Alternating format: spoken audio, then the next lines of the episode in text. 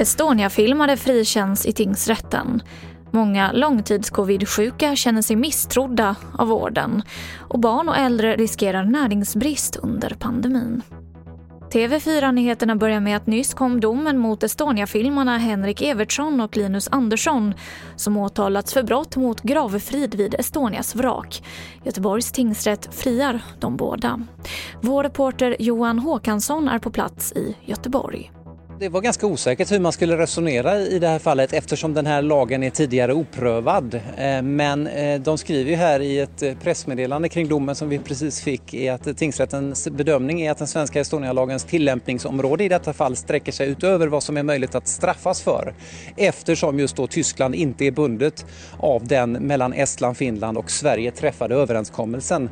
Eh, och därför inte straffbar då eh, eftersom det handlar om ett tyskt flaggat fartyg och eh, vilket som i det här fallet då ses som tyskt territorium. Så därför så anser rätten att Estonialagen inte ska tillämpas i detta fall och tingsrätten ogillar alltså åtalet. Många av dem som har så kallad långtidscovid känner sig misstrodda av vården. Det här säger Svenska covidföreningen till SR. Många som har varit sjuka i corona länge säger att vården förringar deras symptom och att det finns de som fått en felaktig psykiatrisk diagnos istället. Socialstyrelsen bekräftar bilden men kan inte säga hur många fall det rör sig om. Både barn och äldre riskerar att få näringsbrist under pandemin eftersom smittskyddsåtgärder begränsar matutbudet inom skolor och äldrevård.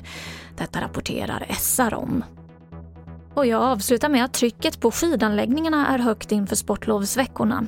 Och sjukvården satsar stort på att erbjuda coronatest till sportlovsfirare. Enligt SR så kommer mobila teststationer för självprovtagning att finnas för skidturister i bland annat Sälen och i Åre. Och det var det senaste från TV4 Nyheterna. Jag heter Emily Olsson.